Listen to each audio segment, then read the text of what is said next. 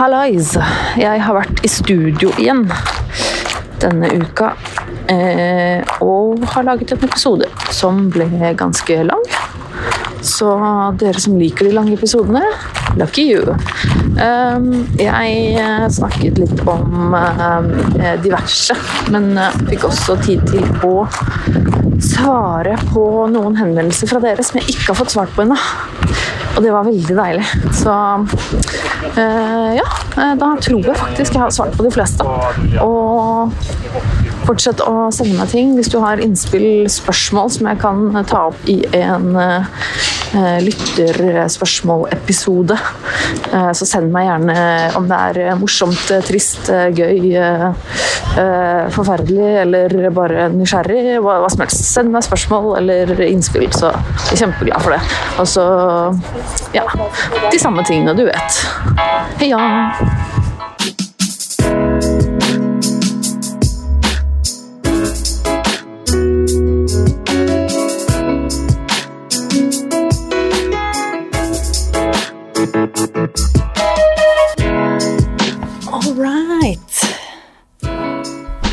Ok. Da var vi tilbake i studio. Nå tror jeg rett og slett at alt går. Nå går lyden der borte, ser jeg. Jeg har fått i gang eh, kameraet mitt. Nå filmer vi. Dette geniale nye kameraet mitt, altså. Jeg har kjøpt meg et sånt nytt eh, kamera. Et sånn ordentlig, liksom Altså speilløst, speilløst speilreflekskamera. Så nå filmer jeg med ordentlig kamera. Ok. Uansett um, Ja, hei, folkens. Og velkommen til en ny episode. Episode 31 av Nerve. Med Tone, som er meg. Jeg er Tone. Um, og en ting jeg kom på. Fordi jeg, jeg, sier jo liksom aldri sånn velkommen, og sier egentlig aldri liksom noe noe annet enn at jeg bare går rett på sak på alt som skjer og har skjedd og sånn. Og jeg tenker jo liksom ikke på at det kanskje er noen nye lyttere der ute, og det, er, det vet jeg jo at det er, fordi at jeg, jeg, jeg, vet jo om at det kommer nye lyttere, for jeg får jo liksom tilbakemeldinger av folk som sender sånn 'Hei, akkurat oppdaget podkasten din', og sånn. Det er jo dritkult at det er flere og flere som hører og legger merke til dette, og ikke minst det liker podkasten min. Så jeg, velkommen til alle dere som er nye lyttere slash seere. Dette er jo en podkast som også blir filmet og lagt på YouTube. Og det, da, jeg og, da jeg kom på det her, det var i går eller et eller annet, da jeg satt og, og skulle for, forberede dette her, så, så, begynte jeg å tenke litt sånn Ok, hva, hva er egentlig denne podkasten her? Hva er den for noe nå? Hva har den blitt i forhold til hva jeg tenkte da jeg begynte? og begynte en hel sånn der filosofisk prosess, føler jeg. Um, men for jeg har jo nå laget Dette er episode 31. Jeg har laget liksom over 30 episoder. Det er ikke så altfor lenge til uh, podkasten min har et årsjubileum. Det blir jo i november, slutten av november. Uh, så har jeg faktisk holdt på med dette i et år. Det er jo ganske sykt. Og så jeg bare gjorde meg noen tanker om liksom Hva er det hva er egentlig denne podkasten? Hva er det egentlig jeg hadde som tanke med den? Og, og, har jeg liksom laget det jeg trodde jeg kom til å lage? Og det er jo Det er jo på en måte det det er. Jeg, jeg tror jeg har klart ganske bra det jeg hadde for hensikt å lage. Jeg ville jo lage en podkast som var liksom brutalt ærlig. Og hvor egentlig på en måte hovedtemaet ja, selvfølgelig psykisk helse, men bare det å være åpen om ting som er vanskelig å snakke om. Det var jo min ambisjon, jeg, for jeg er veldig lei av sånne, der, sånn tabuer og sånn stigmatisering, spesielt av sånn psykisk sykdom, og det at folk bare ikke vet, og ikke på en måte tenker seg om to ganger før de dømmer folk, på en måte. litt sånne ting. bare det å snakke om ting som er vanskelig, og gjerne dra fram litt ting som er litt grumsete og kontroversielle. Litt sånn Det liker jeg. Jeg syns det er veldig spennende å snakke om ting som Noe som jeg nevnte litt sånn tidligere i en episode også, at uh, når du begynner å liksom når du, når du, snakker om et tema som gjør at du begynner å henge litt på ordene og begynner å tenke litt sånn hvordan, Er, det, er dette lov å si? Er jeg lov til å si dette? Uh, det syns jeg er litt spennende når vi er inne på noen sånne ting. og sånne temaer som det når, når, du merker at dette her er litt tabu. Uh, det, dit liker jeg å gå litt, da, uh, iblant. Jeg syns det er litt, litt spennende. Um, utfordre litt de, de holdt jeg på å si, grensene vi har om hva som er greit og ikke greit. Og ikke minst sette spørsmål ved hvorfor vi tenker som vi gjør. Hvorfor tenker vi at det er greit, og hvorfor tenker vi at sånn og sånn er ikke greit. Og, um, det syns jeg er spennende. Men ja, selvfølgelig, det var jo meningen at jeg skulle snakke om meg sjæl.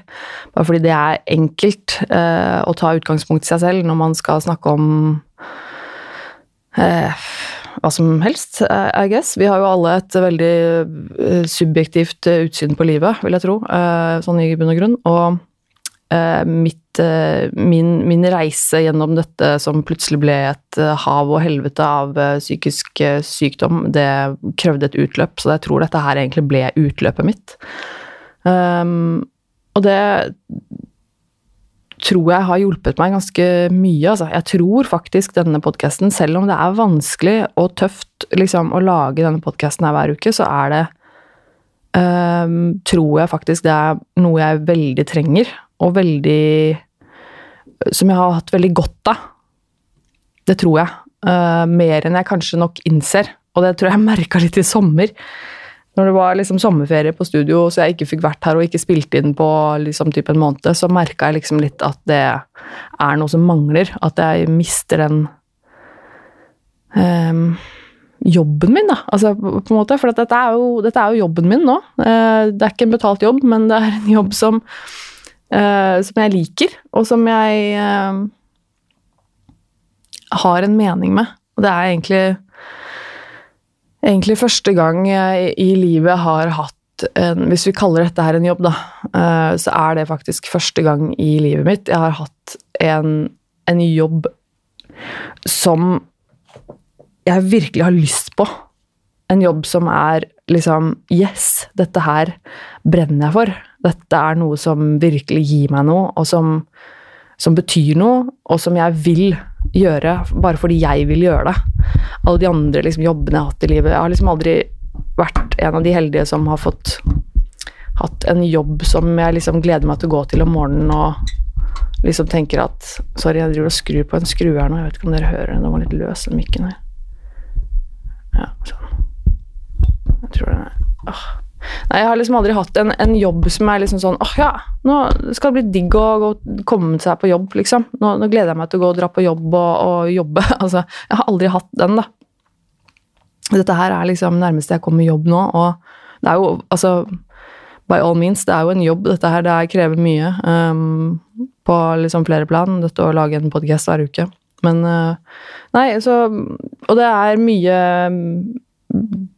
takket altså all egentlig takket være um, de selvfølgelig, de gutta som jobber her på Moderne Media, som la meg komme hit og lage denne podkasten uh, helt uh, fritt fram. Og det er fantastisk at de ga meg den muligheten, og ikke minst på mine kjæreste jævler uh, Gunnar Kjamli og Dag Sørås i Dialogisk podkast, som tok meg inn i varmen i, i denne podkast-varmen eh, og gjorde meg til en slags studioassistent, og på den måten fikk meg til å skjønne at det går an å lage podkast, og virkelig liksom støtta meg i, i, at jeg ville gjøre det. Det har liksom starta hele den greia her, så jeg, jeg, vet jeg har sagt det før, men jeg må, måtte nesten nevne det, for det, det dukket liksom opp i hodet mitt. Og jeg hadde jo det hensikt å ha med liksom gjester og sånn, og det har jeg faktisk også klart. Jeg har klart å få med meg noen gjester. Og ikke bare liksom hvem som helst gjester. Jeg har jo klart å ha med meg liksom ordentlig, skikkelig kule, flinke, smarte, ordentlig, ordentlig dyktige folk. Som er liksom fremadstormende og liksom Jeg vet ikke Ja, innenfor sitt, uh, sitt virke virkelig liksom store mennesker. Uh, I hvert fall i mitt uh, syn og mange andres. Så det har vært stas. Og jeg vil ha med flere gjester. Jeg vet det, vært, det er lenge siden jeg har hatt med meg noen gjester nå. Um, og jeg har for ambisjon å ha med flere gjester. Uh, jeg skal få til det etter hvert. Jeg har også liksom noen som jeg ønsker å spørre. Det er noe med at jeg er ikke så flink til å tørre å spørre. Jeg er litt pingle. Um, og så er det det at jeg har hatt en ganske tøff sommer. Um, jeg er veldig sliten og utbrent for tida. Det er ganske mye som skjer som krever mye av meg, og det å ha med en gjest i studio er ganske krevende.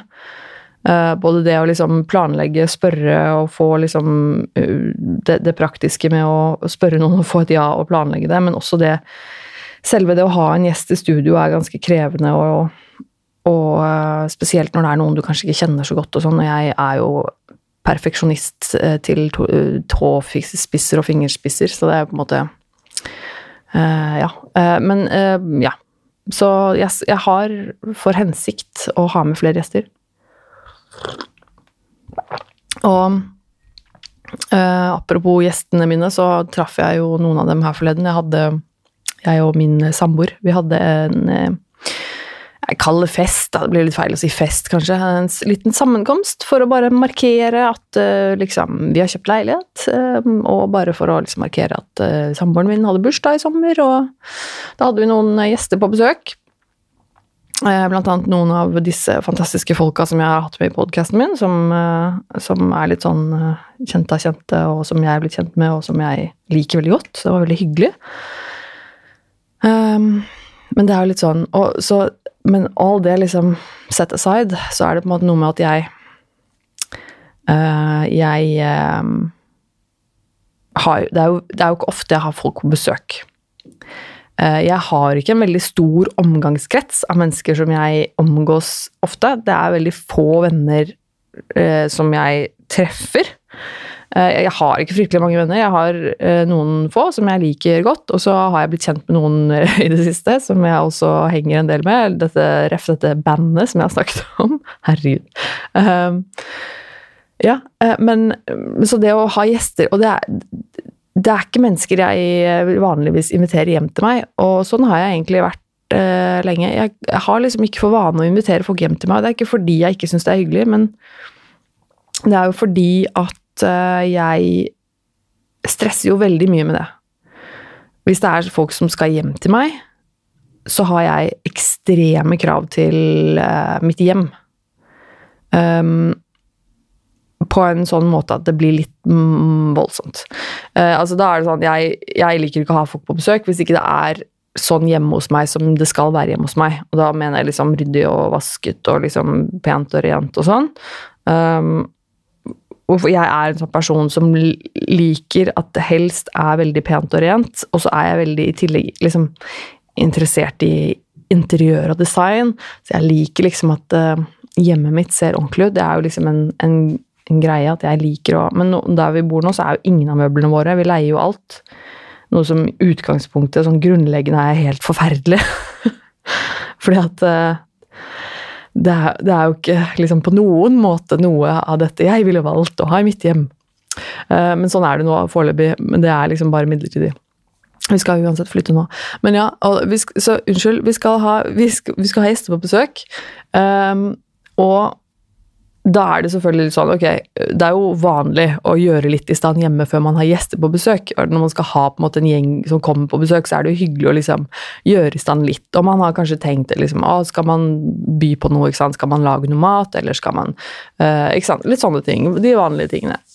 Uh, og det ble jo selvfølgelig uh, litt stress. Ikke fordi at det trengte å være det, men fordi at jeg er meg, og jeg eh, stresser for sånt. Um, så det som skjedde, da, var at eh, disse menneskene, våre gjester, de skulle komme på liksom seks-sju-tiden. Og da vet jeg, Dette var på lørdag, og da vet jeg at da har jeg um, ja, faktisk. Jeg hadde, jeg hadde, og jeg hadde, på forhånd så hadde jeg tenkt at ok, da skal ikke jeg gjøre noe spesielt på lørdag på før, før, på dagen, altså legge noen konkrete planer skal jeg ikke gjøre da, før på dagen på lørdag. Så hadde jeg hatt god tid til å liksom rydde hjemme og vaske litt og handle inn det jeg trenger, og bare ha god tid, sånn at jeg klarer å forhåpentligvis ikke stresse så mye. Og så var det eh, i forbindelse med bandet og en sånn video som vi skulle lage, så hadde uh, han i bandet, han andre, han frontfiguren, holdt jeg på å si, i bandet um, Han hadde da Uh, spurte om jeg kunne dukke opp uh, liksom i 11-12-tiden uh, eh, for at de skulle filme en sånn liten snutt bare med meg i noen få scener. Så eh, så det skulle ikke ta så lang tid, og så kunne jeg bare gå etter det, og så ikke noe stress. Og bare ja, ja, ok, greit, jeg skulle gjøre det. Jeg har selvfølgelig lyst til å stille opp på det og alt mulig. Og så så bare klarer jeg ikke det. For at jeg er, våkner opp og liksom de, Forrige uke og hele egentlig hver dag, og det har vært så kjipt liksom, i hodet mitt. Det er så mye press og, liksom, i hodet mitt som jeg lager for meg sjæl. Og øh, ikke med vilje, selvfølgelig, øh, men det bare er veldig mye angst og veldig mye liksom, press på alt mulig som skjer hele tiden. Og når jeg våkner på lørdag, så har jeg en dårlig dag. Det merker jeg ganske fort. Og så jeg merker at det, jeg, det er ikke så veldig aktuelt at jeg skal dukke opp og være foran kamera og liksom fungere Ikke bare fungere for de andre liksom, i bandet, men også fungere som et menneske som skal stå foran et kamera. Det er bare sånn Det går faktisk ikke i dag. Um, og det De gutta liksom, i bandet, de vet liksom alt om liksom, min situasjon, og, og, at jeg har mine issues eh, og sykdommer som jeg baler med. Så de tok det helt pent og bare Nei, men det er ikke noe stress å bare bli hjemme, liksom. Men det er selvfølgelig nedtur for meg å måtte si nei til det. Uh, og så tenkte jeg ok, greit, men da, da har jeg resten av dagen må vi, skal, vi må gjøre ting og sånn. Og da var jeg ganske slått ut, og det, liksom, ting gikk litt treigt i gang. Og når jeg endelig liksom kom i gang med liksom vasking og litt sånne ting, da, så jeg bare Sorry, jeg må drikke kaffe. Um, jeg har allerede lunka den kaffen. Jeez. Um, så kommer vi i gang med vasking og rydding, jeg og min samboer, da. Og da blir det litt sånn, ok, jeg begynner å ta Jeg tar kjøkkenet, liksom. Um, og så driver han og styrer liksom, litt sånn rundt med badet eller med et eller annet. Og uansett, jeg vasker kjøkkenet og jeg har ganske sånn innøvde uh, Hva skal jeg si rutiner, eller regler. Regler er egentlig bedre ord. Jeg har litt sånn innøvde regler på hvordan jeg gjør ting. På alt mulig. Uh, dette er ikke noe jeg bevisst tenker over. Uh, det er ikke et bevisst valg jeg har tatt på noe tidspunkt. Det bare er på en måte noe som er blitt sånn i hodet mitt om at det er en regel at man gjør det på den og den måten. Og så er det bare innøvd over mange år. Og det det gjelder for veldig, veldig mye i livet mitt, og i en såpass stor grad at det er litt sånn Litt den eh, Litt det vi snakket om tidligere når det gjelder personlighetsforstyrrelse, den personlighetsforstyrrelsestypen som heter tvangspreget personlighetsforstyrrelse. Uh, og det, for det, det, det, gjelder så mye. Det er ikke bare på en måte praktiske ting, det er også mitt tankesett om hvordan man oppfører seg overfor andre mennesker, og hvordan jeg forventer at andre mennesker er mot meg, i, og i relasjoner, og i liksom praktiske ting, og litt sånn tvangstanker, og litt sånn meninger, og veldig sånn Ja. Og jeg skal ikke begynne på noen sånn lang greie om det nå, vi kan ta litt mer om det senere hvis det er interessant. Uh, men uansett så er det på en måte bare det er ikke bevisst. Det er ikke sånn at jeg tenker at nå skal jeg liksom brette den på den og den måten. Det bare er en sånn, en sånn underliggende regel i hodet mitt som, som, allerede er Så det går automatisk. Så jeg vasker kjøkkenet, liksom, og har min Altså vas, vasker benk og liksom og vasker opp ting og vasker liksom vask og skap og bla, bla, bla. Um, og så blir det pent og rent, uh, og bruker en stund på det, liksom. Uh, og fikser litt i stua, og vasker liksom over bord og, og sofa, ordner og styrer, ikke sant.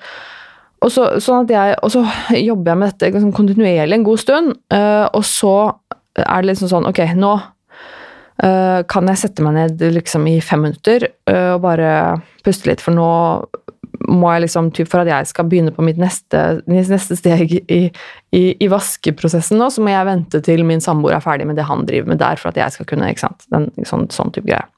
Og da har han liksom vasket uh, Hatt en vaskebøtte liksom, og styra ordna rundt i Og vasket litt sånn gulv og vasket øh, bad og sånn. Uansett, så tar han og går, og da på en måte, Og jeg merker jo at jeg er Jeg er i utgangspunktet sliten um, for mye. Uh, og da skal det jo ikke så mye til før det liksom går litt galt, kanskje.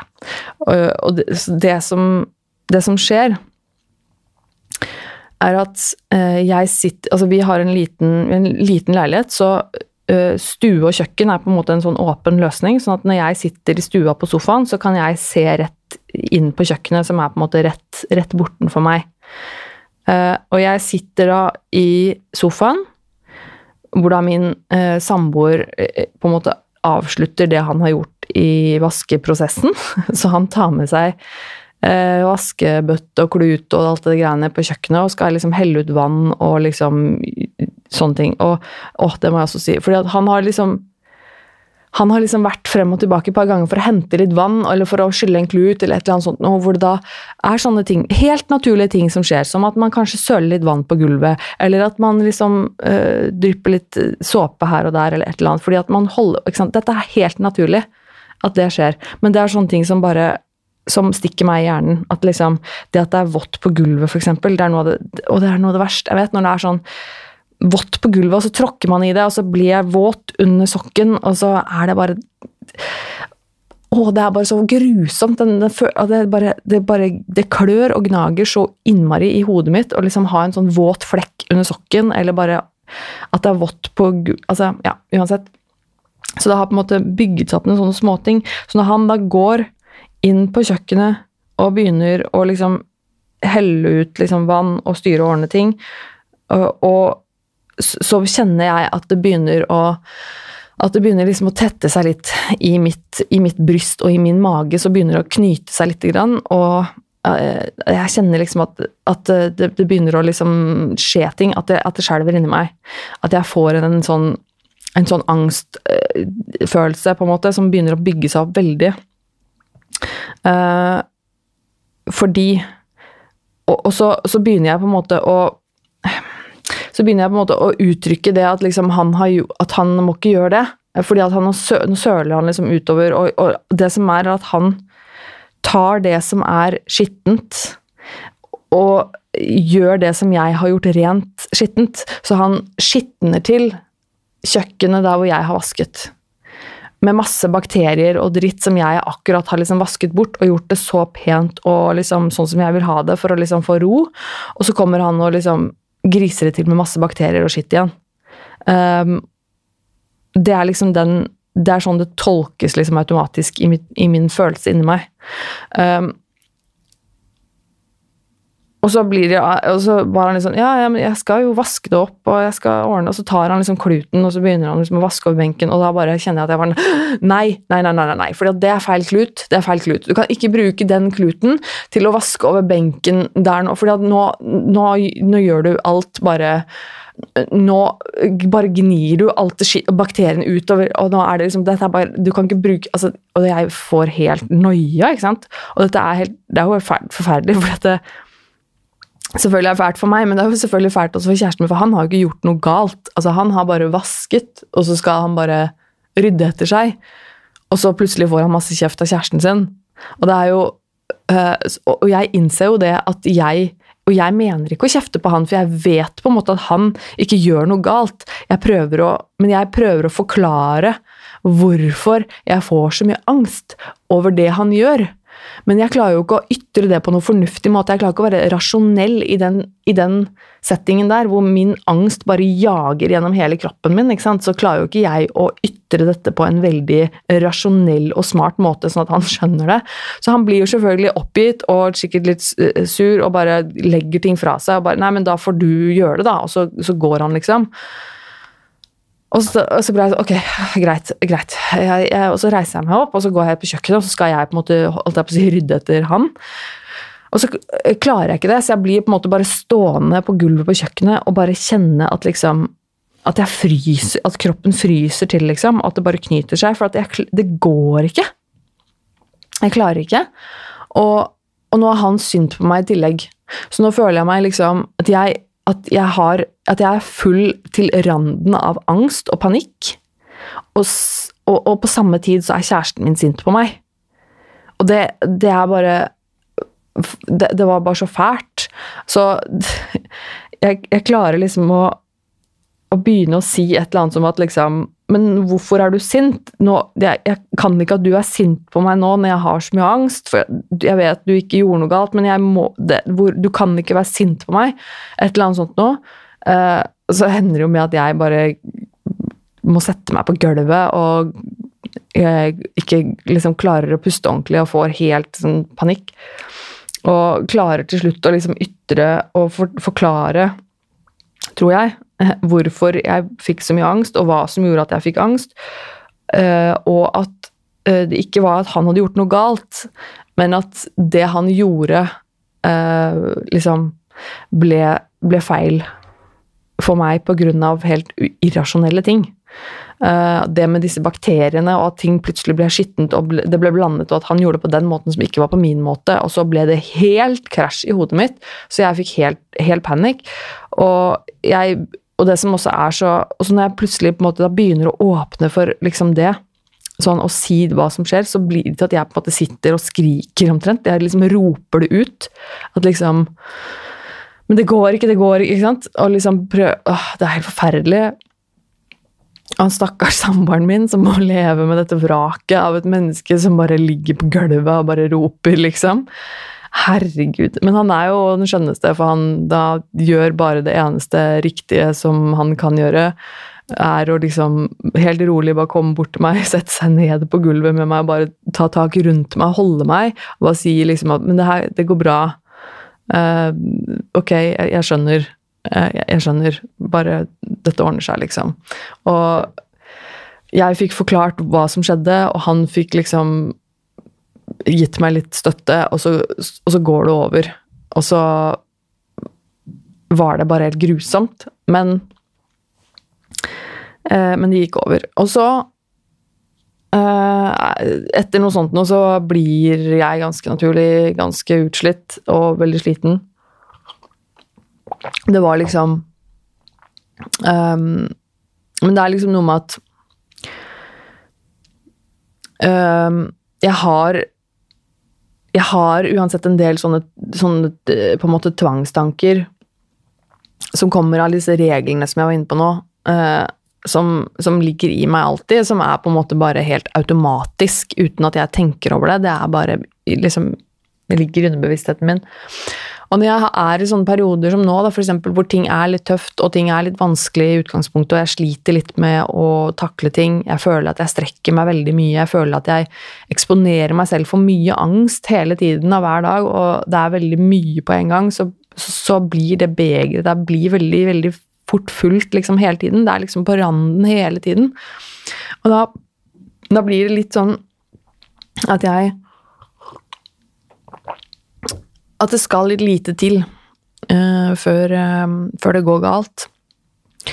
Og i tillegg at når, når, du på en måte føler at du ikke har kontroll på det som skjer rundt deg, og at du ikke klarer å takle ting ordentlig, så blir den der kontrollen den blir så mye viktigere. Det blir så viktig for meg å føle at jeg har kontroll på alt hele tiden, så da må ting bli gjort riktig. Da må jeg gjøre ting på riktig måte uh, i, i forhold til mine egne regler, for at jeg skal ha en eller annen viss form for følelse av kontroll, da. Uh, og jeg har veldig mye sånne rare, rare ting hele tiden. Og uh, altså ting som er regler, da. Altså um, Og det er ikke det er ikke og det er sånn, Jeg har blitt utfordret på det her flere ganger, hvor, hvor, jeg på en måte forteller om en eller annen regel til noen, eller et eller annet, og så uh, Og det, det som det som man må forstå, er at selv om det er en regel, selv om jeg har en, kanskje en grunn til at den regelen er sånn, så vil ikke det nødvendigvis si at den regelen er så veldig rasjonell. Det er ikke nødvendigvis Altså for eksempel det at uh, For eksempel at jeg hjemme, da, hvis jeg står på kjøkkenet og vasker opp, så står jeg aldri inntil benken. Uh, altså det, det, skjer liksom bare Det er bare på ett, ett bestemt altså Hvis du ser, altså ser for deg kjøkkenbenken, da, så er det liksom bare ett bestemt punkt på langs kjøkkenbenken som jeg noen gang lener meg inntil. Uh, fordi det, i hodet mitt så er det akkurat der på kjøkkenbenken så er det greit å lene seg inntil der. Eller så lener jeg meg aldri inntil kjøkkenbenken, spesielt ikke når jeg står og vasker opp foran, benken, foran kjøkkenbenken og sånn. Uh, fordi akkurat der hvor du vasker opp, der er det liksom skittent. Alltid, uansett hvor rent det er, så er det liksom skittent. Og så kan det være vått, og det er liksom å få liksom vann eller skitt vann på, liksom på inntil Det går liksom ikke Så jeg kan ikke lene meg Så jeg står liksom alltid Det er litt sånn upraktisk, for det, når jeg vasker opp, da, så vil jeg liksom alltid stå litt for langt fra benken og bøye meg. Og det er, det er litt sånn upraktisk, men det er bare helt automatisk i hodet mitt. Sammen med sånn eh, Sammen med sokker slash føtter. Sånn at jeg liksom må eh, børste av de før jeg putter dem ned i skoene. Um, og ikke, kan ikke gå barbeint i sko, eksempel. Det det er ikke lov. Og så uh, må liksom ta sånn, Prøve å ikke få Og det med eksempel å å ha føtter i, i senga, eksempel, med sokker, det er ikke lov. Det er bare helt horribelt galt i hodet mitt å dra sokker og ha føttene opp i senga når man har sokker på seg. Fordi de, de sokkene har vært rundt omkring i alt og, og har masse skitt og masse rusk, og, og da drar man det opp i senga. Og det er bare så Det kan man Det går ikke. Uh, så du kan sitte på senga Altså, jeg kan sitte på senga, men da, da er det ikke med føttene opp i senga med sokker på. Da må jeg ta av meg sokkene. Og det er jo ikke sånn at du og det er jo ikke nødvendigvis så innmari rasjonelt, for det er jo ikke sånn at jeg nødvendigvis er helt rein på føttene. ikke sant? De som er føttene inni sokken. Hvis jeg har vært svett på føttene, eh, så er det ikke nødvendigvis sånn at de føttene er så innmari reine, men det er liksom greit likevel å dra føttene opp uten sokker. Så det er ikke nødvendigvis rasjonelt, men det er bare sånn det er. Um, og det, får meg, det, får meg, det gjør meg helt sånn og når jeg ser sånn rusk i senga altså For eksempel hvis samboeren min skal gjøre, styre et eller annet sånn innpå inn på øh, soverommet, hvis han skal ha noe ut av skapet, pakke en sekk eller et eller annet, og liksom setter ting oppå senga, som om senga er en benk, så blir jeg sånn Det gjør litt vondt. Da er det sånn åh ja, Ikke at jeg nødvendigvis må liksom øh, reagere på det. Ikke at jeg sier noe, for det er, noe sånn, det er jo ikke noe sånn at jeg liksom klikker eller 'å, du må få, få vekk det', eller annet sånt, men det er sånn, jeg legger merke til det at, at det er sånne ting som jeg bare 'å, det ville jeg aldri gjort'. Nei. Åh. For det, det blir liksom rusk i senga. Altså, man børste, børste altså, så det er liksom Og liksom riktig rekkefølge på ting. Og riktig rekkefølge på hvordan, hvilken rekkefølge jeg tar på meg klærne, f.eks. Jeg har riktig rekkefølge på hvordan jeg bretter klærne når jeg tar dem av meg om kvelden. For at jeg har jo mine rutiner. Sant? Jeg kler av meg på badet. Og da liksom bretter jeg sammen klærne mine når jeg tar dem av meg. Og så bretter jeg dem sammen på en viss måte. Her er en veldig spesifikk måte å brette klærne på. Og en spesifikk måte å legge dem liksom i en bunke eh, før jeg tar dem med inn der de bor. Uh, og dette er ikke ting jeg bevisst tenker Det er bare ting som skjer automatisk. At det er sånn, sånn man gjør det. Også sånn Hvis jeg skal tørke noe med tørkepapir, eksempel, så får jeg sånn mark av folk som bare liksom drar tørkepapiret ut av liksom holderen og bare liksom begynner å tørke og krølle. For det bare sånn Du kan ikke bare ta en tørkepapirstrimmel og så bare liksom balle den sammen i hånda og begynne å tørke med den. Du må liksom For da er jeg sånn Da tar jeg den ut, og så bretter jeg det litt sånn dette er ikke noe jeg bruker lang tid på, dette har jeg innøvd. Dette går veldig fort.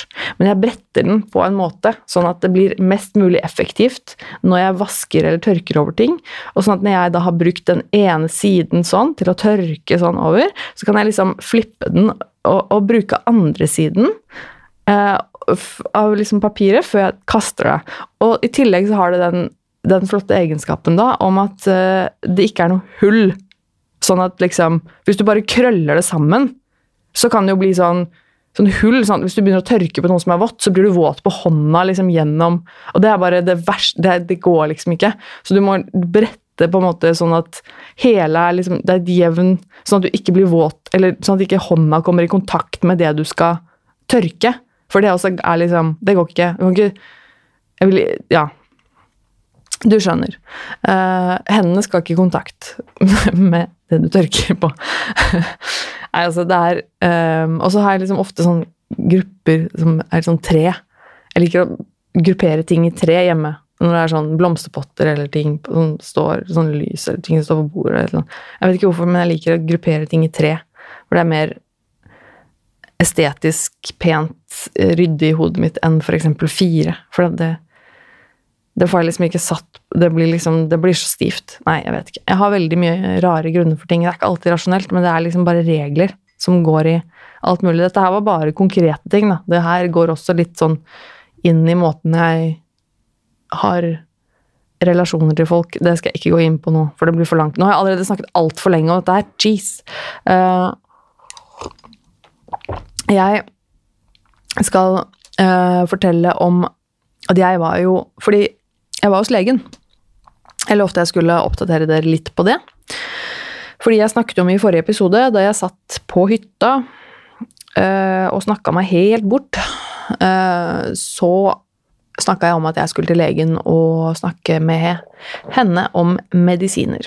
Fordi jeg har øh, lenge fått tilbud om å få medisiner. Det har på en måte aldri vært noe spørsmål om jeg kan få medisiner eller ikke.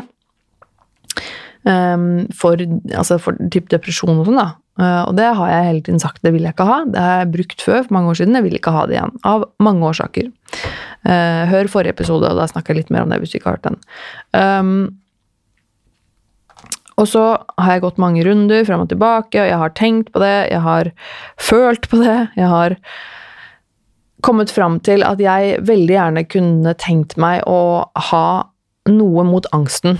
Noe som kan dempe det verste av min angst, når det er ting som jeg har veldig lyst til å gjøre. Altså sånn øh, utfordringer i, i hverdagen som jeg må komme meg gjennom, som jeg har lyst til, men som er veldig veldig vanskelig å få til pga. angst. Som f.eks. at jeg skal dra til Moskva og spille live med bandet mitt om bare liksom typ halvannen uke. Uh, og jeg har aldri spilt et instrument før i mitt liv, og har liksom typ lært meg alle sangene på fire uker. Eller nei, to-tre uker. Så det er sånn Det er ganske noia, for å si det mildt. Og i min situasjon så er det på en måte det er sånn at jeg, liksom, har mest lyst til å bare si at jeg ikke klarer det. Fordi at det krever så mye av meg at jeg vet det er jeg, Ja. Uh, og litt sånn flytte ting og liksom store ting som skjer i livet mitt, som krever mye av meg, og som gjør at jeg får veldig mye angst, og som gjør at ting som gjør at ting som i utgangspunktet er positive, og som gir meg glede, og som jeg gleder meg til, og som jeg har veldig veldig lyst til, det blir negativt. Det blir liksom slukt av angsten. At det at jeg skal spille med et band live, det er jo dritfett. Det er jo helt sånn psyko-kult. Og så klarer jeg ikke å føle på det, for jeg føler bare angst. Det blir slukt av angsten min. Og jeg har ikke lyst til å ha det sånn. Og, men jeg har heller ikke lyst til å gå på antidepressiva. Jeg har mange årsaker til det. Eh, jeg har ikke lyst til å begynne på noe sånn greie hvor jeg må liksom inn på et løp med liksom ta så og så mye lang tid for å bygge opp, og så må du ta et sånn pille, så må du ta de hver dag, for du må liksom du kan, ikke, du kan ikke gå på sånne antidepressiva og så bare ta den en gang iblant. Du skal på en måte gå på de, bruke de hver dag. Hvis du skal slutte med de, så må du liksom trappe ned, og du må liksom Det er et, et løp, det er et opplegg, liksom, og jeg vil ikke inn på det igjen. Jeg vil ikke føle meg bundet til en sånn, sånn, en, en, sånn behandling. Jeg, jeg, jeg, har, jeg, kan på en måte gå, gå, med på Og det hadde sikkert vært fint å ha liksom noe som jeg kan ta som roer meg litt ned. Når det er noe som er spesielt, noe som skjer, noe som gjør at det blir ekstra vanskelig. Uh, for da kan jeg liksom føle at jeg fortsatt har litt kontroll. Um, men uansett, eh, da jeg skulle til, og dere som følger meg på Instagram, dere så kanskje Instagram slash Facebook, dere så kanskje jeg la ut noen stories eh, fra dagen min i går, da jeg var rundt omkring og hadde disse alle helvetes avtalene. Um, fordi jeg var hos uh, legen, og min fastlege er ute i en slags permisjon. Hun skulle være borte noen måneder. Så jeg fikk en vikarlege, og det er alltid så jævlig helvete. Eh, det er jo en lege jeg ikke kjenner, og hun har aldri truffet meg før. Hun vet ingenting om meg, og det er altså så jævlig slitsomt um, å, gå, å, gå, til generelt helsepersonell og måtte forklare deg og, og styre og ordne nok en gang. Altså. Og jeg måtte selvfølgelig sitte der igjen og forklare, liksom, fortelle hvem jeg er, hva, jeg, altså, hva som er situasjonen, og hva jeg har gjort før, hva jeg har prøvd før. Hele greia der. Og, og gjenta meg selv igjen og igjen og igjen, som det alltid er med de forbanna jævla helsevesenet. Og det Uh, altså, Misforstå meg rett, det er mye godt som skjer i helsevesenet. Jeg vet at disse menneskene i utgangspunktet er der for å hjelpe meg, men det er fryktelig slitsomt å ha behandlerbytter eller ha legebytter og måtte sitte der og føle at du må gjenta deg selv og forklare deg selv så mange ganger. Og det er bare Du, du kommer ingen vei. Du kommer ingen vei, det blir ikke noe kontinuitet i noen ting, og du får ikke, du får ikke noe oppfølging på ting, og det er bare helt jævlig. Så jeg sitter der med hun legen som jeg aldri har snakket med før, og klarer på et vis å få ut av meg i hvert fall det viktigste av det hun trengte å vite, føler jeg. Men da ble det jo til at hun, hun ville gi meg antidepressiva. Hun ville gi meg, uh, hun ville gi meg Cipralex, som er det jeg har gått på før, uh, og det var den ene tingen jeg sa jeg ikke ville ha. Uh, og det var det eneste hun ville gi meg. så da Eh, sa jeg nei. Eh, ja vel, eh, nei takk, men det, det, er ikke det jeg vil ha. Um, ja, nei vel, ok, men tenk på det litt, da. Og det, fordi at det skal jo også hjelpe mot angst og sånn. Og jeg bare ja, men det vet jeg. Det er irrelevant, for det er ikke det jeg vil ha. Jeg er ikke interessert i å gå inn på et Cipralex-behandlingsforløp for øyeblikket. Så det hjelper meg midt i ræva at du vil gi meg det. Um, og det hun eh, var eh, Jeg skal ikke si masse altså, stygt om henne, for hun var jo liksom i bunn og grunn hyggelig, men hun kjenner meg jo ikke. Eh, hun gjorde helt sikkert det hun mente var riktig i den situasjonen, med en pasient som hun ikke kjenner, og som hun hadde liksom hørt veldig lite om. Um, så jeg mener ikke å liksom si at denne legen er inkompetent, eller noe sånt på noen måte, men det var veldig frustrerende for meg uh, i den situasjonen. Uh, og jeg gikk jo derfra uten noen ting. Um, noe som er også jævlig frustrerende når jeg føler at jeg på en måte har strukket meg og gått litt på akkord med meg selv og utfordret meg selv litt og tenkt at ok, greit, jeg skal gi etter for dette jævla presset som folk rundt meg sier at du må prøve medisiner, og så har jeg sagt hele tiden at jeg ønsker ikke det og har mine gode grunner for det, og så tenker jeg ok, greit, møt meg på halvveien, gi meg noe jeg kan bruke litt sånn iblant, så skal jeg se hvordan det funker, liksom. Jeg, skal, jeg kan greit, jeg skal prøve. Og så, de, så blir jeg ikke møtt på halvveien. Det er bare sånn nei, du skal inn på dette, eller ingenting. Og det er bare sånn fuck you guys. Altså uh, Har jeg forresten sagt at jeg banner denne podkasten? um, ja, excuse my language, men det er bare sånn Nei, fuck you guys. Det er bare sånn det, det, det går ikke. Um, så det skjedde. Og så var jeg bare rett uh, derfra, var en kjapp tur hjemom, og så hadde jeg psykologtime etter det, så da var jeg rett til uh, min psykolog på DPS. Uh, som jeg har hatt litt sånn problemer med å åpne meg for, fordi han er jo da min tredje psykolog, eller behandler, da på DPS, som jeg bare Uh, det er tøft. Uh, og det er, som jeg skrev i den, i den uh, posten min på Instagram i går, en storyen min, at det er faktisk det er tøft å åpne seg for ting som er vanskelig. Det er tøft å åpne seg for å åpne opp med det som er vondt, og det som er skam, og det som er skyld, og det som er angst. Det er vondt å gjøre seg selv sårbar, og veldig, veldig vanskelig. Det føles ofte farlig, fordi at du du åpner opp for din sårbarhet, og du gjør deg selv sårbar. og Det føles veldig farlig, men det er viktig å Det er viktig å gjøre det. Det er viktig å klare det, det er viktig å prøve det. Uh, og jeg skjønner veldig godt at det er vanskelig, for at du vil beskytte deg selv. Du, du gjør det, det er en mekanisme som er der for at du skal beskytte deg selv fra å bli såra eller beskadet skadet, eller Det er helt naturlig at man vil beskytte seg selv. Men det er også noe med at når man er så brent og skada som det i hvert fall jeg er, og mange andre er, så blir det til at man overbeskytter seg selv litt. At man, at man skjermer seg selv og beskytter seg selv også fra mennesker som vil en vel. At det ender med at jeg sitter og beskytter meg selv fra psykologen min. ikke sant? Og det er jo ikke noe jeg gjør liksom bevisst med hensikt, men det er en del sånne beskyttelsessperremekanismer inni meg som gjør at det er sånn det blir. At jeg sitter og beskytter meg selv fra psykologen min. Uh, og, og, det kommer jeg ikke godt ut av. Uh, det er jo Det beste for meg er jo om jeg klarer å, å åpne meg for psykologen min, og jeg vet at han vil meg vel. Han er der for å hjelpe meg. Og, og det å klare å åpne og det å stole på noen og ha tillit til noen, det er vanskelig. Um, og det krever mye. Det krever øving, og det krever innsats, virkelig. Men, men, uh, men jeg føler nå jeg og psykologen min var enige om at de siste timene nå, så har jeg klart å bli flinkere til det og åpne meg.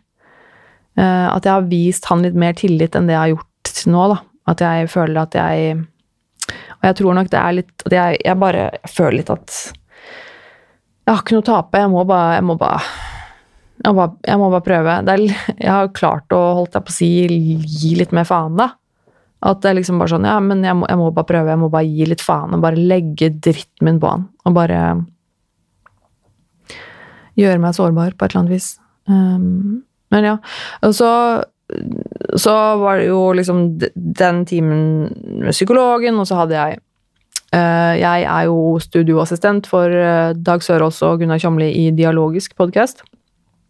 Jeg er med der hver uke, og jeg skriver tekst for dem i forbindelse med utgivelse av episodene. Jeg lager bilder, jeg tar bilder i studio og litt sånne ting. Og det er ting jeg liker godt å gjøre og setter pris på det. Jeg vil veldig gjerne fortsette med det, og det er noe jeg gjør hver tirsdag. Og så eh, for da, men da måtte jeg jo hjem og gjøre det, og da var jeg allerede for seint. Og så måtte jeg skrive den teksten, og så måtte jeg lage et bilde, og så klarte jeg å skrive teksten. Eh, selv om det er egentlig det vanskeligste av det, tro det eller ei. Eh, og så er det Og så glemte jeg helt å lage bilde. Det har liksom aldri skjedd før. Og så skulle jeg på et bandøving, og så tror jeg jeg liksom skulle øve med bandet, og så hadde, klarte jeg helt å glemme det bildet. Og det har jeg fortsatt ikke klart å legge ut. Det må jeg legge ut i dag. Er bare helt krise. Eh, borte i huet, liksom. Um, men ja eh, så, Nå bare begynner jeg å kikke litt rundt meg, for jeg aner egentlig ikke jeg, hvor lenge jeg har snakka nå. Det blir jo tydeligvis en lang episode der. Jeg har jo fortsatt en del ting jeg skal ta opp, jeg. Mm. Håper dere liker pratinga mi, folkens. Um, fordi jeg Ja, så det var liksom Det var dagen min i går. Var, for å si det sånn, jeg var ganske sliten. Um, og så Ja, i morgen, i morgen skal jeg til ernæringsfysiologen. Ja. Mm. Og så er det så mye som skjer, og jeg skal, må øve. Jeg må øve. Jeg har ikke liksom alle låtene til det bandet inne, og det er liksom Ja, jeg ser på, jeg ser på notatene mine her nå og bare tenker at vet du hva, den der kan jeg bare stryke. Det har jeg ikke tid til å gå inn på nå. Um, men ja, ok, så jeg er der. Der. Sånn. Stryk den. Den kan man ta neste gang. Den er ikke så viktig. Uh, men da skal jeg Nå, mot slutten, så skal jeg uh, Filmer jeg fortsatt nå, eller? Ja, faktisk. Ja. Uh, nå Jeg tenkte fordi, fordi at jeg har hatt så innmari mye greier å stresse med, med liksom flytting, det er band, det er samboer, det er podkast, det er podkast her og der, og alt mulig, så er det på en måte Eh, jeg har fått noen tilbakemeldinger fra dere. Det er noen der ute som sender meg tilbakemeldinger, og det er helt fantastisk. Her og der så får jeg liksom noen eh, meldinger og sånn fra dere som er eh, noe av det beste jeg vet i hele verden å høre fra dere.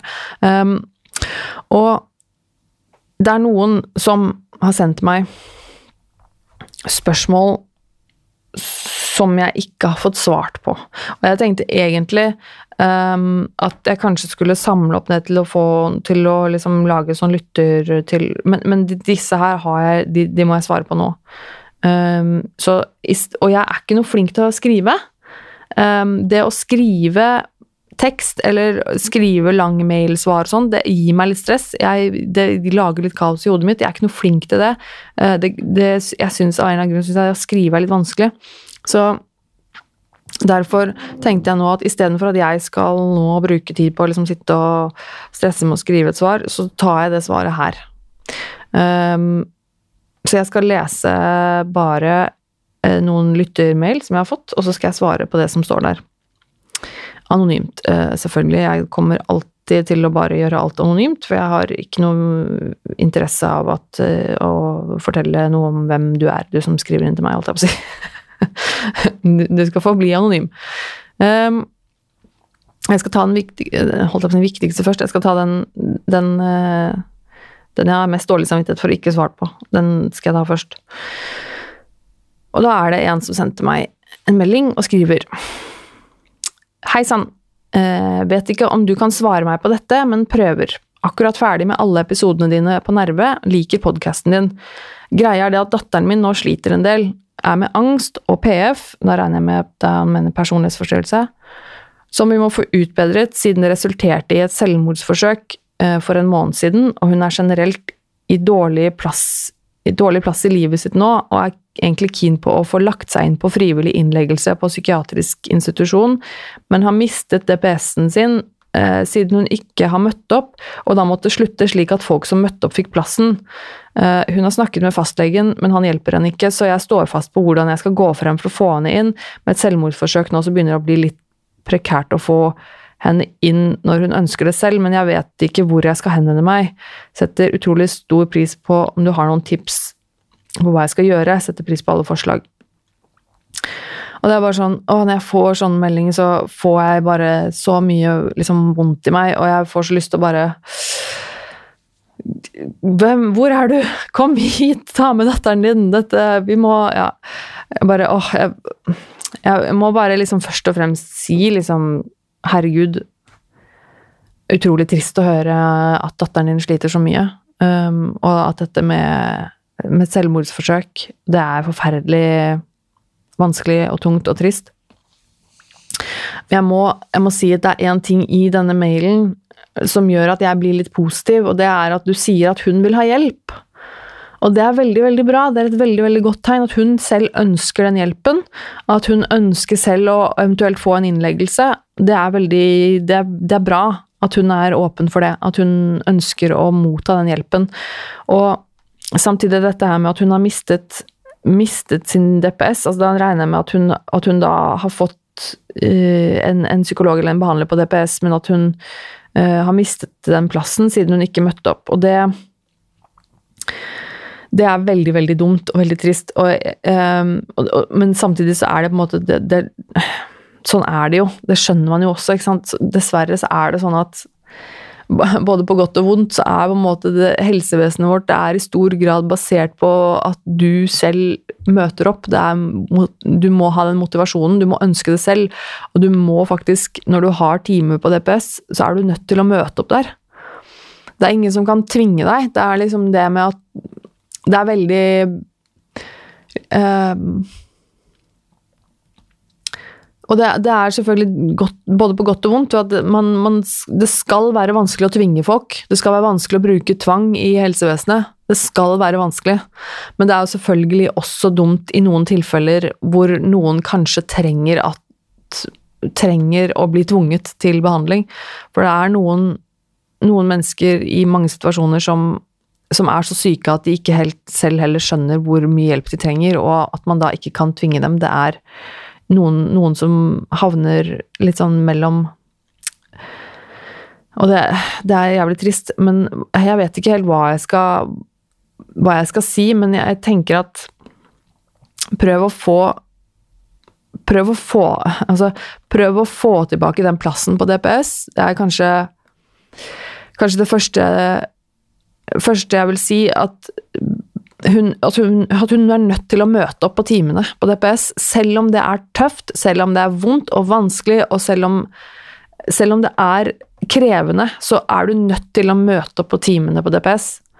Uh, eh, og jeg skjønner at det er vanskelig, jeg skjønner at det er tøft. Det er mange ganger jeg også tenker at bare fuck it, jeg har ikke lyst, men jeg gjør det likevel, fordi at du, du er nødt til det. Uh, du, du må det for å få hjelp. Og det kan hende at det hjelper i lengden at du møter opp selv om du føler at det kanskje ikke er verdt det.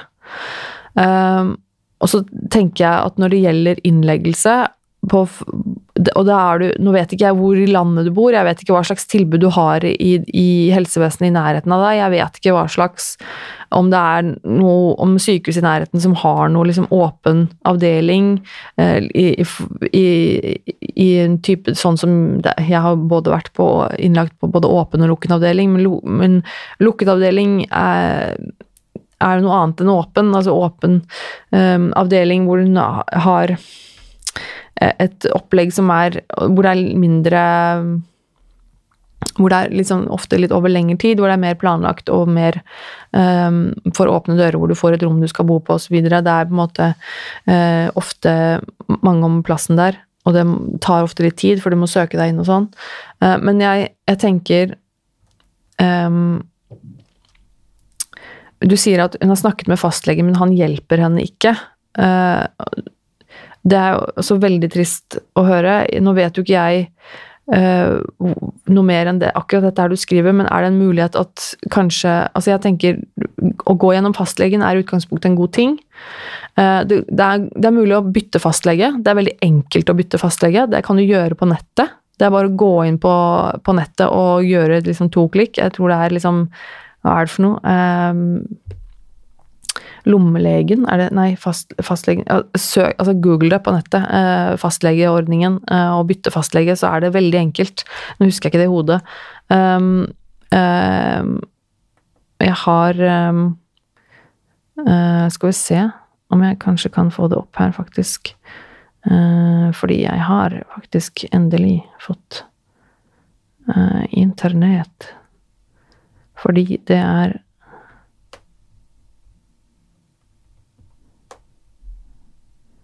Uh, uh, uh, ja. Og dette her er så spennende å høre på. Legelisten.no, er det det? Ja, gå, altså, ja. Men google det, du finner det med en gang, på en måte. ja. Her legelisten.no, eller ja. altså, du finner det. Og det er, da gjelder det fra neste månedsskifte. så prøv å bytte. Om, om, om, fastlegen ikke vil hjelpe, så, så prøv å bytte, fordi det er uansett viktig å ha en fastlege som tar deg på alvor. Eventuelt hør med noen du kjenner som kan anbefale en fastlege, eller, eller hva som helst. Altså. Men fordi fastlegen kan henvise til DPS, fastlegen kan også legge deg inn. Um, og det er et godt utgangspunkt å gå gjennom fastlegen. Um, Kanskje hun kan ha med seg deg til fastlegen for å få en, eh, en, en, en person til som kan eh, hjelpe uh, og gi perspektiv. Eller eventuelt en venninne eller en eller annen person som hun stoler på, som kjenner til situasjonen, som kan være med og, og legge litt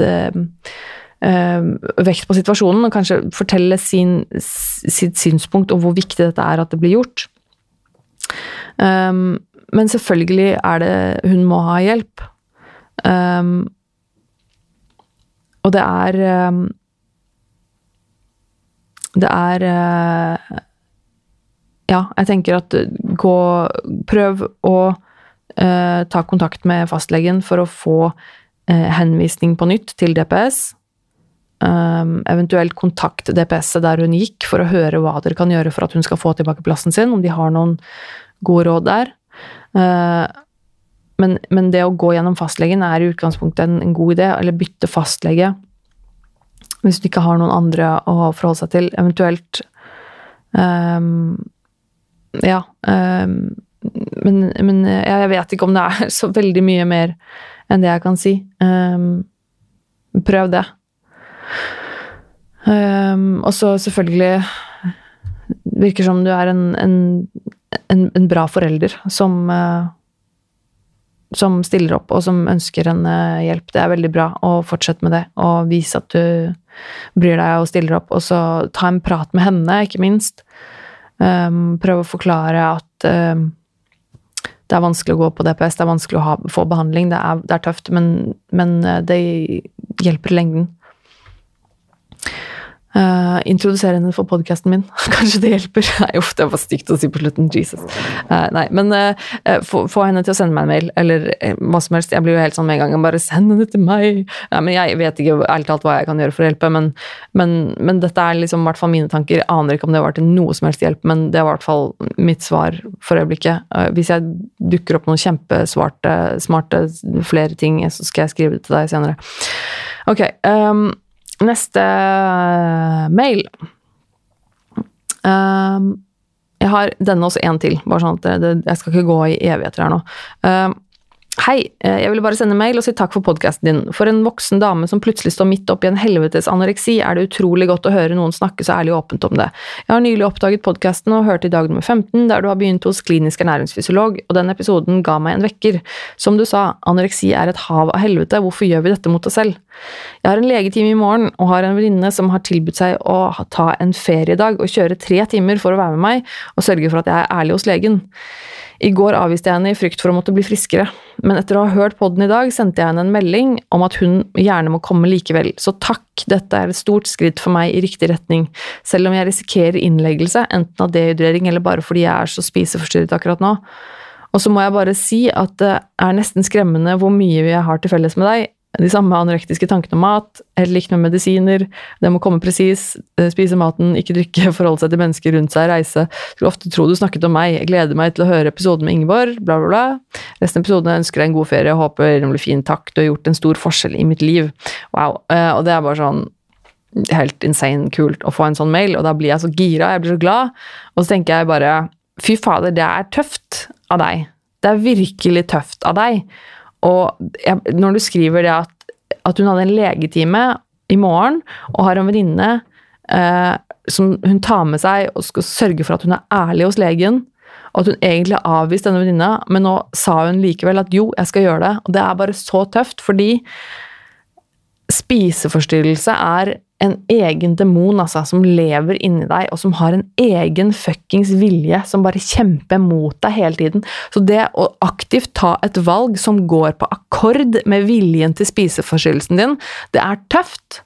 Og det er dritbra gjort. Så det at du nå fordi at jeg vet åssen det der funker i hodet ditt, for du tenker sånn ja, Hvis jeg har med meg venninna mi, så kommer hun til å gjøre sånn at jeg ikke slipper unna med unnskyldninger hos legen. Da kommer hun til å gjøre at jeg er ærlig. Da kommer legen til å få vite sannheten, og da får jeg behandling. Og, da, altså, og det vil ikke spiseforstyrrelsen, for spiseforstyrrelsen den gnager og holder så hardt på denne kontrollen at, at den saboterer alle forsøk og alle tanker om at du skal gjøre noe for å bli frisk.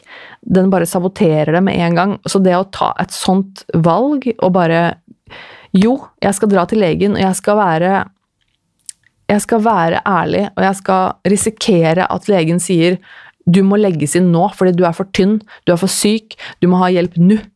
Og det er liksom, For spiseforstyrrelsen er jo det, det verste som kan skje. Spiseforstyrrelsen den vil jo leve. Og den gjør alt den kan for å ha makta over deg og i huet ditt. Og det å ta et sånt valg som det her da, det er bare helt fantastisk bra.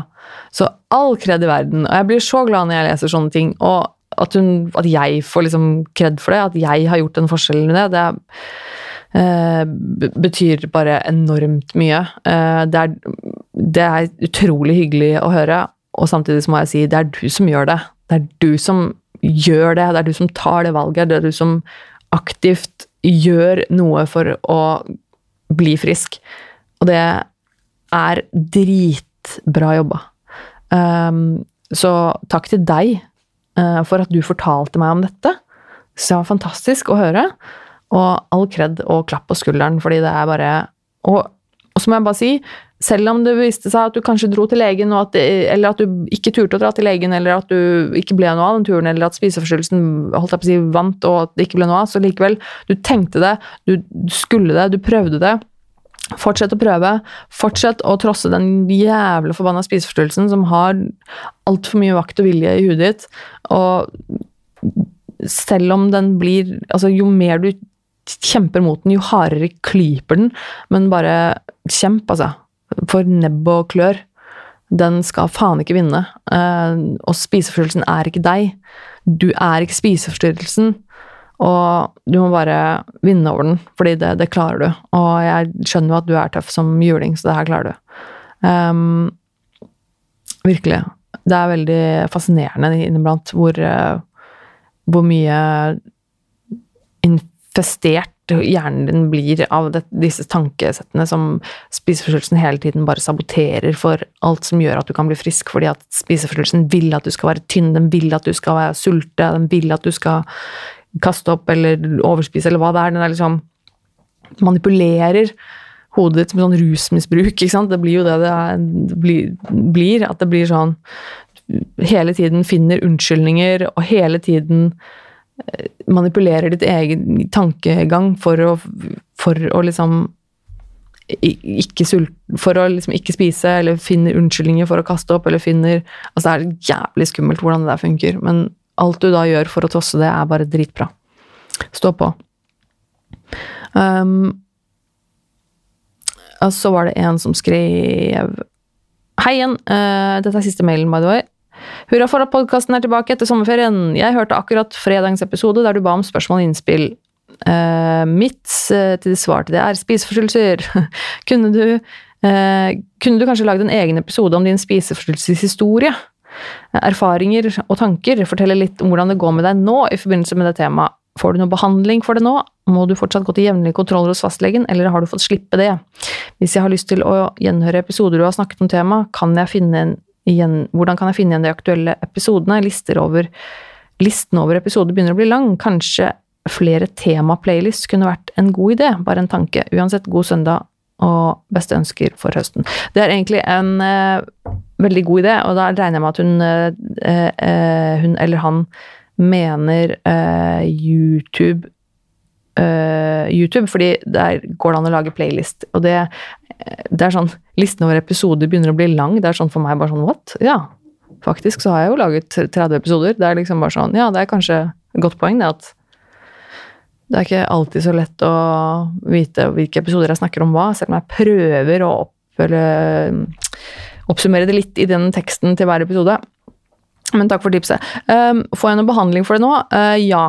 Det jeg får av behandling for spiseforstyrrelse, er at jeg går til klinisk ernæringsfysiolog um, jevnlig.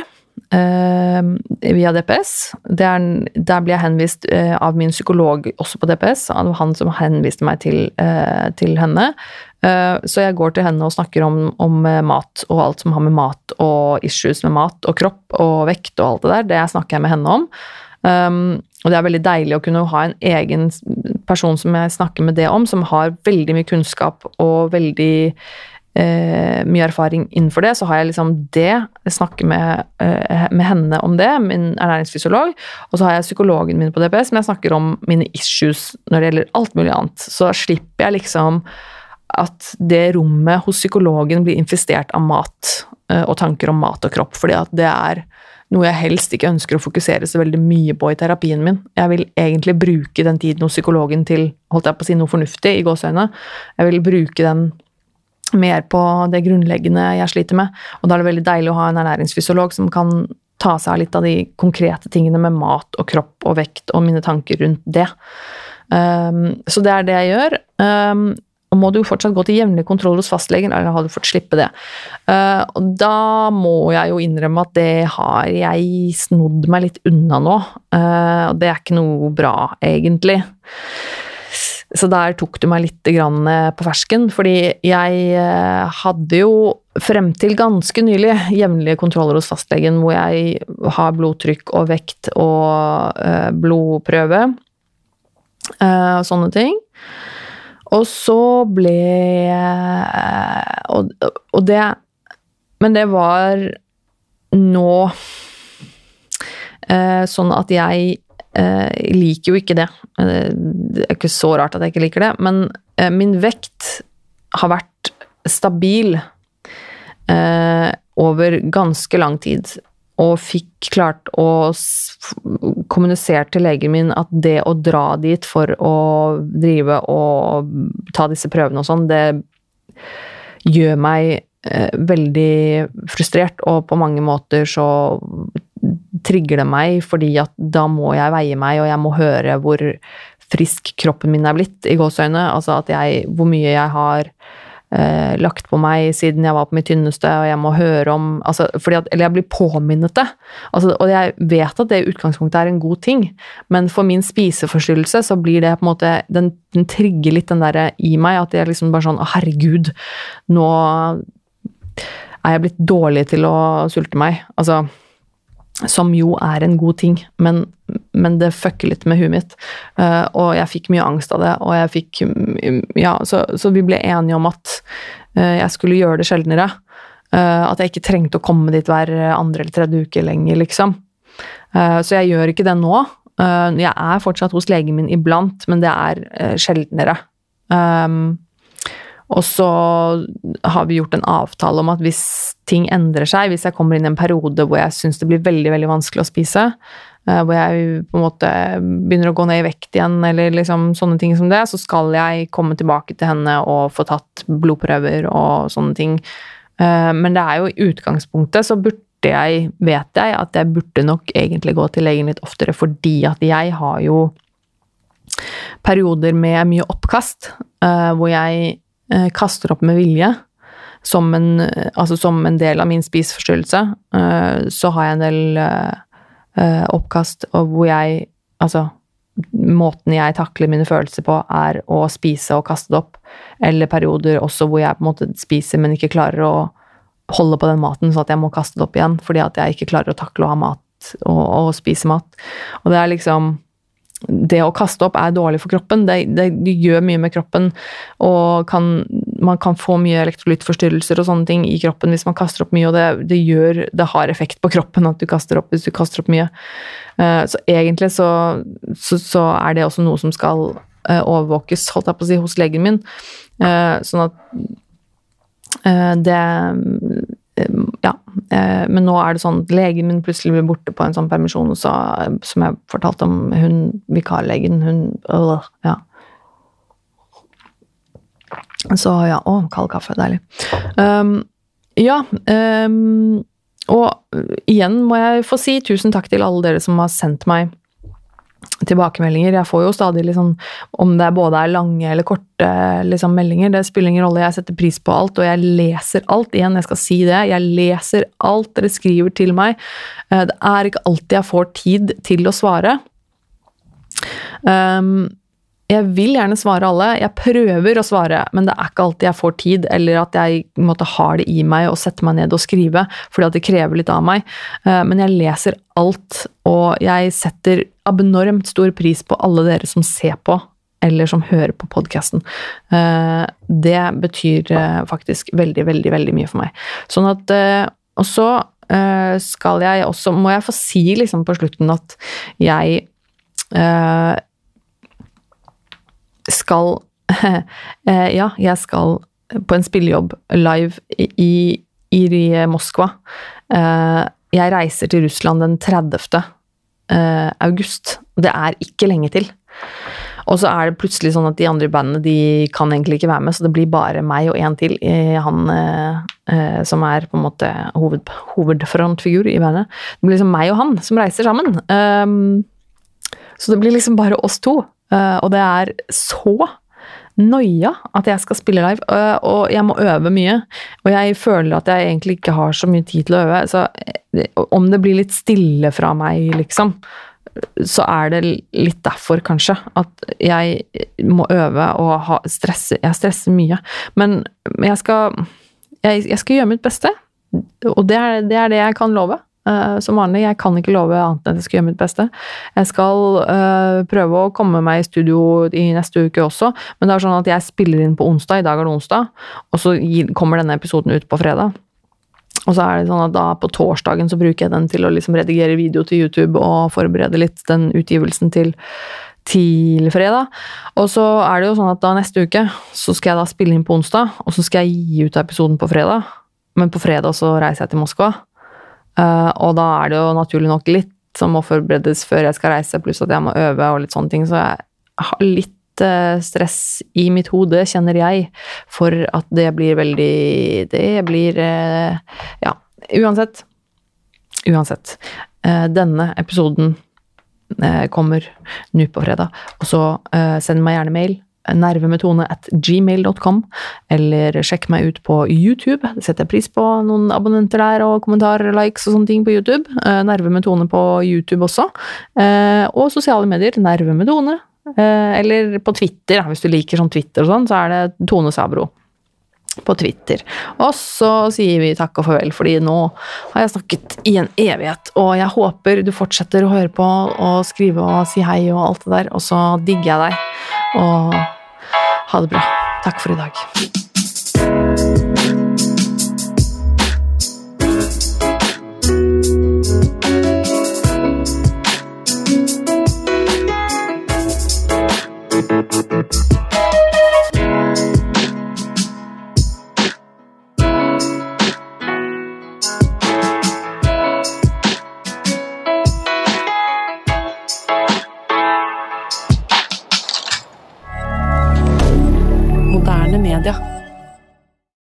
Har du et enkeltpersonforetak eller en liten bedrift? Da er du sikkert lei av å høre meg snakke om hvor enkelt det er med kvitteringer og bilag i fiken, så vi eh, gir oss her, vi.